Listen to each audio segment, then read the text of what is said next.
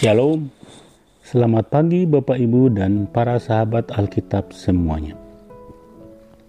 Bacaan Alkitab kita pada hari ini terambil dari 1 Timotius 6 ayat 17 sampai dengan 21.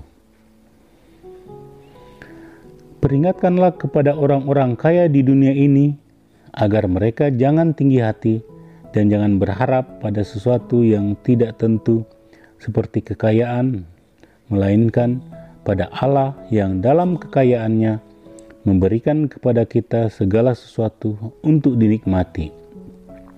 Peringatkanlah agar mereka itu berbuat baik, menjadi kaya dalam kebajikan, suka memberi, dan membagi, dan dengan demikian mengumpulkan suatu harta sebagai dasar yang baik bagi dirinya di waktu yang akan datang untuk mencapai hidup yang sebenarnya.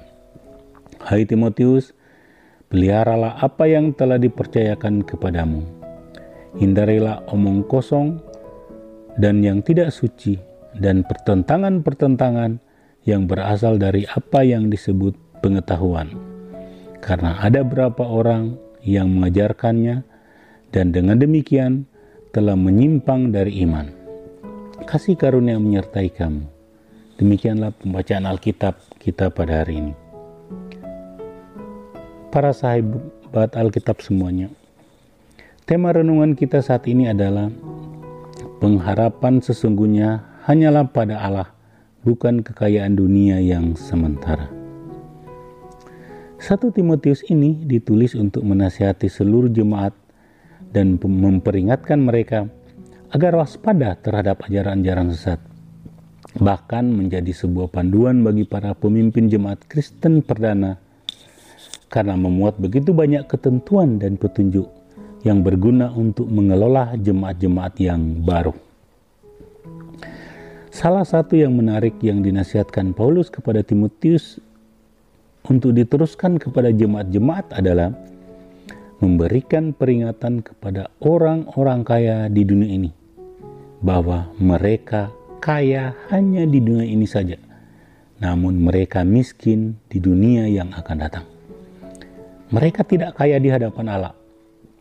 Kekayaan dan harta dunia hanyalah bersifat sementara. Jadi, tidak ada alasan untuk menjadi pribadi yang tinggi hati. Berharap pada kekayaan adalah pengharapan yang tidak menentu dan kemudian akan lenyap. Dengan demikian, Paulus menyebut dua alasan mengapa orang jangan berharap pada kekayaan material. Kekayaan itu berlaku untuk dunia ini saja. Kekayaan itu tidak bisa diandalkan, melainkan berharap pada Allah yang dalam kekayaannya memberikan kepada kita harta yang berkelimpahan. Kekayaan di dunia ini dapat mengecewakan, dapat dirampas atau hilang karena ada sebab-sebab lain. Tetapi barang siapa berharap pada Allah yang merupakan sumber kekayaan dan segala berkat, tidak akan dikecewakan. Pesan Paulus adalah pesan untuk jemaat bahwa Tuhan telah menciptakan dan memberikan segala sesuatu untuk dinikmati oleh manusia, termasuk kekayaan. Kita adalah jemaat Tuhan yang terus bergumul dengan segala kebutuhan dan kerinduan untuk menikmati kebahagiaan di dunia ini. Namun harus disadari bahwa yang kita kumpulkan adalah kekayaan yang bersifat sementara, yang sebenarnya adalah kebenaran akan Allah yang dapat ditemukan di dalam firman-Nya.